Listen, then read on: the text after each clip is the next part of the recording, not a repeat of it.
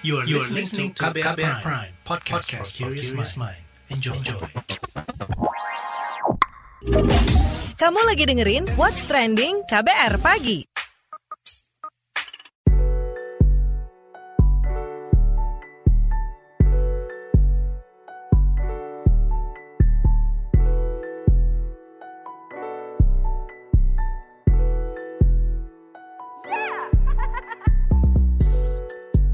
KBR Pagi, siaran pagi radio paling update. Selamat pagi, apa kabar Anda hari ini di hari Senin 4 Oktober 2021? Ketemu lagi dengan saya Don Brady di What's Trending KBR Pagi pastinya. Jadi ini ada hasil dari sebuah survei ya. Jadi survei ini menunjukkan lebih dari 19% remaja di Indonesia itu kecanduan internet.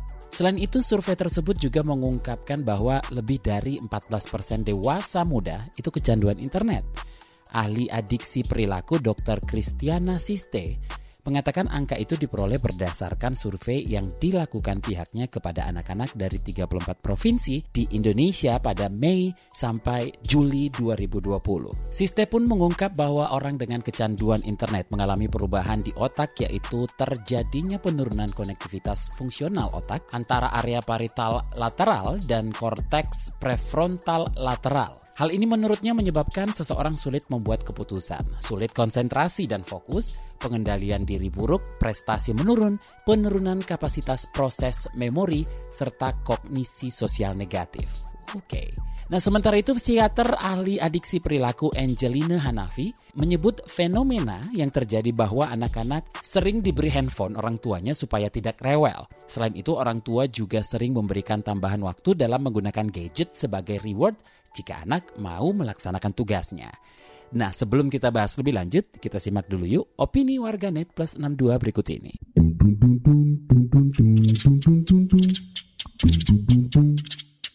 Pertama akun at William W173 Gejala kecanduan internet wifi rumah mati. You feel like the whole world just got destroyed by the nuclear holocaust. All communication is offline and you are stuck in a cave waiting to see a better tomorrow. Ke akun at Raven DVR Gue kecanduan internet I don't like taking care of my health. Kalau akun at Ajeng D Pratika Kiat-kiat dalam menghemat kuota internet plus agar tidak kecanduan gadget pertama uninstall YouTube, kedua uninstall Instagram.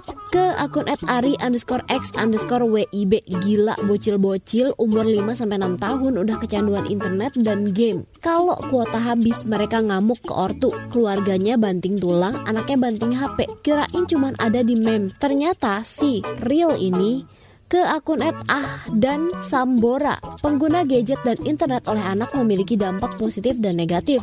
Banyak orang yang menganggap remeh dampak kesehatan di dunia maya. Padahal nih banyak cyberbullying disebut-sebut bisa memberi dampak fatal bagi sang korban.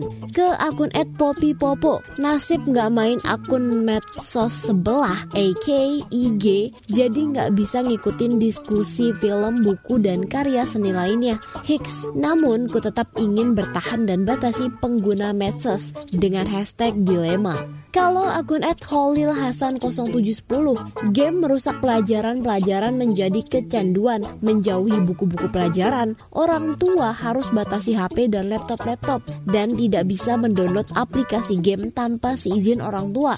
Download dilakukan tiap hari Jumat malam sehingga bisa main game hanya sampai Minggu sore. So, cegah anak-anak jadi budak pengusaha game. Terakhir akun at Keniko Spacey. Itu pun paket datanya mahal kalau di murah-murahin bisa-bisa Indonesia peringkat satu abadi cuy. What's Trending KBR Pagi Masih di What's Trending KBR Pagi, cukupkah upaya atasi adiksi internet remaja Indonesia? Itu yang kita obrolin pagi ini. Jadi beberapa negara itu telah melakukan eh, berbagai upaya dalam mengatasi adiksi gawai ini. Korea Selatan misalnya, menghentikan penggunaan internet untuk anak dan remaja di bawah 18 tahun dari mulai tengah malam hingga jam 6 pagi. Selain itu, Korea Selatan membentuk jaringan lebih dari 140 pusat konseling untuk perawatan kecanduan online serta memiliki program terapi untuk rehabilitasi kecanduan online. Ahli adiksi perilaku Dr. Christiana Siste menjelaskan dari hampir 3 ribuan remaja yang disurveinya ternyata mengalami peningkatan durasi penggunaan internet hingga lebih dari 50 persen. Sementara pada 4 ribuan dewasa muda atau orang-orang yang berusia di atas 20 tahun juga mengalami peningkatan durasi online menjadi 10 jam per hari selama pandemi. Lebih lengkap kita dengarkan penjelasannya berikut ini. Nah, kalau di Indonesia sendiri pada tahun 2019 kami melakukan penelitian di Jakarta. Ternyata 31,4 persen remaja di Jakarta mengalami adiksi kecanduan internet. Dan kalau kita lihat di sini, 70 persen remaja menggunakan internet internet lebih dari 20 jam per minggu dan 96% mereka memiliki handphone sendiri. Lalu 90% remaja mengakses dari rumah artinya orang tua tahu apa yang dilakukan oleh anaknya. Ada seorang ibu yang mengatakan pada saya, dok daripada anak saya kecanduan narkoba, nggak apa-apa lah dok kecanduan internet. Itu ternyata orang tua juga berpikiran seperti itu. Nah, pada masa pandemi COVID-19 ini, maka kecanduan internet menjadi lebih tinggi. Anak-anak bermain di rumah, belajar di rumah. Sedangkan masa remaja dan dewasa muda itu, sebenarnya teman itu lebih penting daripada orang tua buat mereka. Sehingga ketika mereka di rumah, mereka merasa stres emosionalnya tinggi. Ada pasien kami yang mengatakan, masa main basket cuma sendirian dok?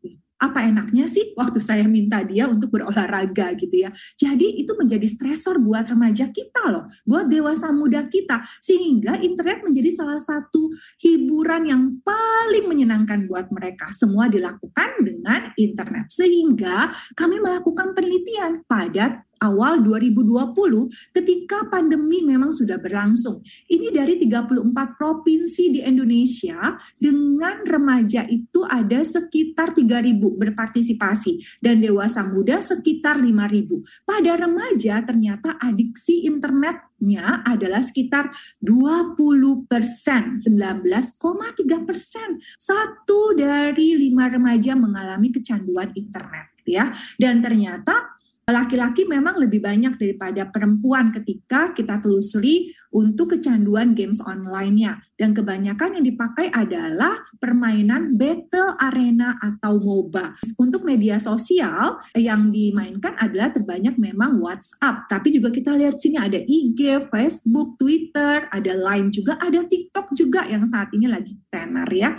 Apa sih faktor resikonya? Satu adalah apabila remaja tersebut mengalami masalah emosi dan perilaku anaknya gampang depresian, gampang cemas, lalu ada penggunaan narkoba, anaknya agresif, ada fobia sosial juga, nggak mau bertemu orang secara nyata. Nah, ini adalah faktor resiko. Nah, kedua adalah apabila bermain games online atau media sosialnya lebih dari tiga jam per hari. Nah, ini juga jadi kecanduannya lebih tinggi. Dan kalau menggunakan internet untuk utamanya medsos atau games online, maka kecanduan internet menjadi lebih tinggi. Dan ini ada yang menarik nih dari penelitian kami. Ketika orang tua memperbolehkan anak menggunakan internet di bawah usia 8 tahun, maka resiko kecanduan menjadi lebih tinggi memang remaja itu, anak itu boleh diberikan handphone sendiri adalah ketika dia sudah berusia 8 tahun. Ketika anak tersebut sudah tahu sebab akibat. Dan ketika pemberian handphone pertama milik sendiri harus ada perjanjian, regulasinya. Itu harus dilakukan. Nah, sementara itu psikiater ahli adiksi perilaku Angelina Hanafi memaparkan beberapa cara yang dilakukan terhadap kecanduan online. Berikut kita simak penjelasannya. Sebenarnya kapan sih harus profesional dan apa sih yang dilakukan di profesional? Nah, kalau misalnya anak atau misalnya kita sendiri sudah tidak mampu melakukan aktivitas hari-hari, kita jadi depres atau kita jadi cemas banget karena saking takut ketinggalan atau jangan-jangan kita mengalami cyberbullying, rasa kayaknya nggak enak, trauma seperti itu. Apalagi bahwa ada perilaku menyakiti diri, ada perilaku ingin bunuh diri karena pengaruhnya dengan internet berobat ke profesional emosional anak-anaknya. Nah, apa yang dilakukan di psikiater? Jadi ada dua. Yang pertama adalah terapi dengan obat-obatan dan yang kedua adalah yang tanpa obat-obatan. Terapi obat-obatan memang kita sesuaikan dengan setiap individu karena kita juga melihat ya, ada kan otaknya rusak nih. Nah, otak rusaknya ini udah sampai sejauh mana? Apakah anak sudah bisa mengontrolnya sendiri atau tidak? Sampai sejauh mana? Nah, itu tergantung dari situ kita akan melihat apakah anak perlu obat-obatan atau tidak. Nah, untuk terapi non obat-obatannya, kita ada terapi kelompok, kita mencoba untuk meningkatkan motivasi anak untuk berubah atau kita bisa melakukan pendekatan lainnya. Kalau pas si anaknya ini punya masalah emosi, kita mencoba untuk mengajak anaknya mengidentifikasi. Emosi bukan cuma bosen loh, emosi ada sesuatu hal yang lain. Nah, ini sebenarnya sesuatu yang dia sebenarnya dapatkan di kehidupan sehari-hari di sekolah, tapi memang ada masalah karena di masa pandemi ini dia tidak bisa mendapatkan contoh-contoh seperti itu. Nah, jadi pada intinya adalah kita ingin menemukan suatu keseimbangan. Titik tengahnya kita perlu banyak informasi. Kita harus tahu dulu baru kita bisa menemukan atau kita bisa menentukan titik tengahnya itu seperti apa. Negosiasi um, dan diskusi itu merupakan hal yang penting dalam penanggulangan Nah, jadi untuk penutupnya adalah digital transformation ini adalah lebih ke arah orangnya, manusianya. Sebenarnya nggak terlalu banyak ke arah misalnya apa yang baru, apa yang sebenarnya tren saat ini itu penting, tapi lebih ke arah si penggunanya ini mau seperti apa. Apakah mau menggunakannya untuk hal yang positif ataukah lebih ke arah yang negatif. Nah, itu yang menjadi fokus dari digital transformation. Kita harus meningkatkan digital literasi supaya penggunaan penggunaan uh, digital atau teknologi bisa dilakukan secara sehat. What's trending KBR pagi? Washington dan Colorado mengizinkan adanya praktik mengubah jenazah manusia menjadi pupuk kompos. Pelegalan hal tersebut untuk memangkas biaya pemakaman di tengah kelangkaan tanah. Mengubah jenazah menjadi pupuk kompos juga dianggap dapat melestarikan lingkungan. Selain itu, Lembaga Penegak Hukum AS Biro Penyelidikan Federal FBI juga mengelola lokasi ladang mayat atau body farm. Ladang seluas 2,5 hektar tersebut berada di Pusat Forensik Antropologi di Fakultas Penelitian Antropologi di Knoxville, Tennessee. Usai menyatakan dirinya akan pensiun, Presiden Filipina Rodrigo Duterte mengumumkan rencana pencalonan putrinya Sara Duterte Carpio sebagai presiden dalam pemilihan umum tahun depan. Sekarang Sara menjabat posisi wali kota salah satu kota terbesar di Filipina, Davao. Pernyataan ini menyusul penolakan keras masyarakat Filipina terkait rencana pencalonan Duterte pada pemilihan presiden 2022. Seperti dilansir Associated Press, Duterte mengaku akan mengikuti mengikuti permintaan masyarakat dan pensiun dari dunia politik. Drama Korea berjudul Tell Me Your Wish mengkonfirmasi Ji Chang Wook dan Soo-young SNSD sebagai bintang utama. Ji Chang Wook pun akan memerankan karakter Yoon Gyeori di mana ia menjadi sukarelawan setelah menjalani kehidupan di panti asuhan, pusat penahanan pemuda dan penjara. Selama menjadi sukarelawan, ia berjuang kembali untuk bertahan hidup dan bertemu dengan So Yoon Ju, karakter yang dimainkan Suyong SNSD. What's Trending KBR Pagi. Masih bersama saya Don Brady, kita lanjutkan obrolan kita pagi ini. Jadi Yayasan Sejiwa itu meluncurkan gerakan Jauhkan Adiksi Gawai, Optimalkan Potensi Anak atau yang disingkat Jagoan di bulan Oktober 2021 ini di beberapa kota ya. Jadi anak-anak akan diajak untuk menyuarakan ide-ide mereka agar teman-teman mereka terinspirasi untuk mengatur hidup sehat tanpa lekat kepada gawai. Nah, untuk membahas kecanduan internet pada anak ini, kita obrolkan lebih lanjut bareng pendiri Yayasan Semai Jiwa Amini Sejiwa, Dina Haryana. Oke, sekitar 19% anak Indonesia kecanduan internet. Bagaimana Anda melihat besarnya angka ini? Sudahkah darurat? Ini real kasus-kasusnya banyak. Banyak anak-anak yang sudah tremor lah, ada anak yang agresif, mukul-mukul kalau gawe lagi nggak ada, masih internet mati atau apa, macam-macam lah ya kondisi itu. Nah kita ini lagi buka itu bahwa ini real issue dan bahwa semua orang tuh terutama orang tua ya saat ini kudu melakukan pendampingan dan pengarahan pada anak-anak, jangan dibiarkan. Bahaya apa saja yang mengintai anak-anak saat mengakses internet baik media sosial atau gym? Screen time yang tinggi ya, itu membuat hormon dopamin itu diproduksi secara luar biasa masif di otak ya. Nah, hormon dopamin yang diproduksi dengan masif itu membuat anak suka banget. Itu seperti kalau orang nyandu narkoba dan sebagainya ya. Ini sama di, diproduksi oleh otak karena dia main game atau dia mengakses pornografi. Jadi dia mau terus mau terus justru itu jadi perilakunya itu menjadi berubah kepribadian dia yang mungkin ceria, terkoneksi dengan orang, mungkin bergaul ya, ramah, itu bisa berubah total, dia menjadi lekat sekali dengan gawainya tidak terpisahkan ya. Dan itu ruang kamar tidurnya itu menjadi kayak kerajaan buat dia. Jadi mau makan di situ, semua kegiatannya di situ dan dia benar-benar lekat dengan gawai itu. Bahkan sulit tidur. Makan pun ada kemungkinan dia nggak bisa merasakan lapar itu. Karena lama-lama dopamin yang tadi diproduksi secara luar biasa kencang, ya, itu membuat fungsi-fungsi otak yang lainnya tuh kebanjiran, kebanjiran hormon itu. Sehingga terjadilah yang hormonal imbalance atau kondisi hormon yang tidak seimbang. Nah, modus-modus kejahatan apa yang banyak terjadi pada anak dan kasus-kasusnya seperti apa? Kalau misalnya eksploitasi seksual ya, di sana ada orang yang ingin memanfaatkan anak ya untuk difoto-foto, di video, kemudian dijual foto-foto atau videonya. Kemudian sebelum itu terjadi kan mereka melakukan online grooming. Bujuk anak dengan dirayu-rayu, diajak untuk ngobrol-ngobrol dulu ya. Dari chatting-chatting lama-lama jadi video call. Terjadilah bonding ya emotional bonding alias kerekatan emosi itu dengan anak. Lalu lama-lama apa? Anak-anak diminta foto-fotonya video-videonya atau mereka memvideo memfoto dari gadgetnya anak itu. Suruh kamu buka ini itu dan sebagainya. Itu bisa dilakukan. Apa yang terjadi kalau itu sampai misalnya menjual foto dan video, itu kan jejak digital anak kan luar biasa buruknya, ya. Atau si predator anak tadi melakukan namanya sextortion. Anak misalnya bilang gini nih, aku nggak mau lagi ngasih foto atau video.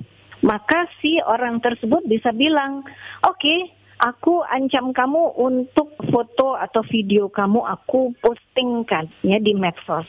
Padahal tuh foto dan video kemungkinan sudah buka-bukaan begitu. Nah itu namanya sextortion.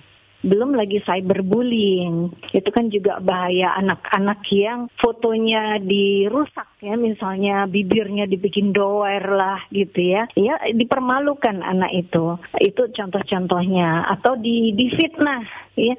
Wah dia tuh nilainya bagus tapi sebenarnya dia ABS sama guru bisa kayak gitu. Fitnahan-fitnahan itu juga hal-hal yang sangat merugikan jiwa anak. Metode pengawasan atau pencegahan seperti apa yang harusnya diterapkan orang tua untuk menghindarkan anak dari kecanduan internet? Kalau anak diberi pelatihan dan terus didampingi, diarahkan, maka dia akan mampu waspada dan melindungi dirinya. Tetapi kalau orang tua nggak nggak paham juga, ya lama-lama dengan pengaruh lingkungannya anak juga jebol juga gitu karena pengaruh teman-temannya juga banyak gitu.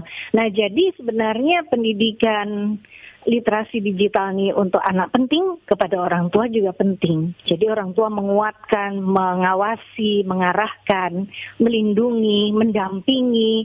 Nah itu semua nggak boleh lepas Nah, sudah perlukah anak diberi digital literasi sementara di saat yang sama dibatasi penggunaan internetnya? Selain itu, orang tua sendiri juga mungkin belum memiliki digital literasi. Nah, ini bagaimana nih?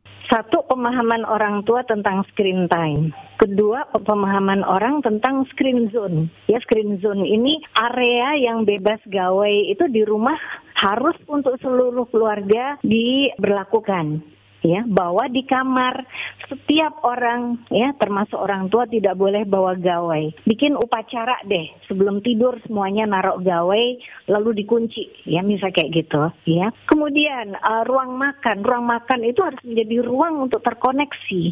Nah untuk ruang menjadi saling curhat saling ketawa-ketawa, habis itu main game, habis makan ya, habis itu mereka bikin project, bikin rencana mau ke mana, mau melakukan apa, itu namanya ruang makan adalah harusnya menjadi ruang untuk merayakan keluarga.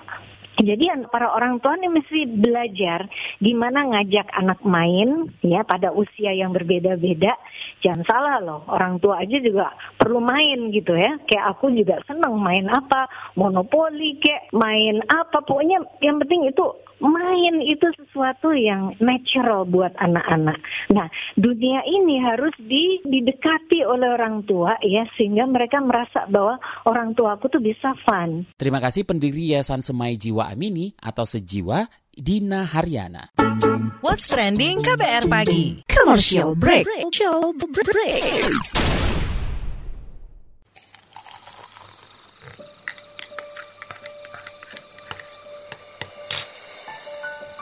Hai, kamu apa kabar? Masih suka menikmati senja dan kopi? Aku masih ingat kebiasaan kita. Sehabis pulang kerja, selalu mencari tempat untuk sekedar ngobrol dan ngopi. Tapi kadang kita kehabisan bahan obrolan. Aku masih melakukan hal yang sama sampai sekarang tanpa harus takut habis bahan buat ngobrol karena aku selalu mendengarkan KBR sore dari Senin sampai Jumat jam 4 sore. Ah, aku rindu. KBR Inspiratif Terpercaya. What's trending KBR pagi?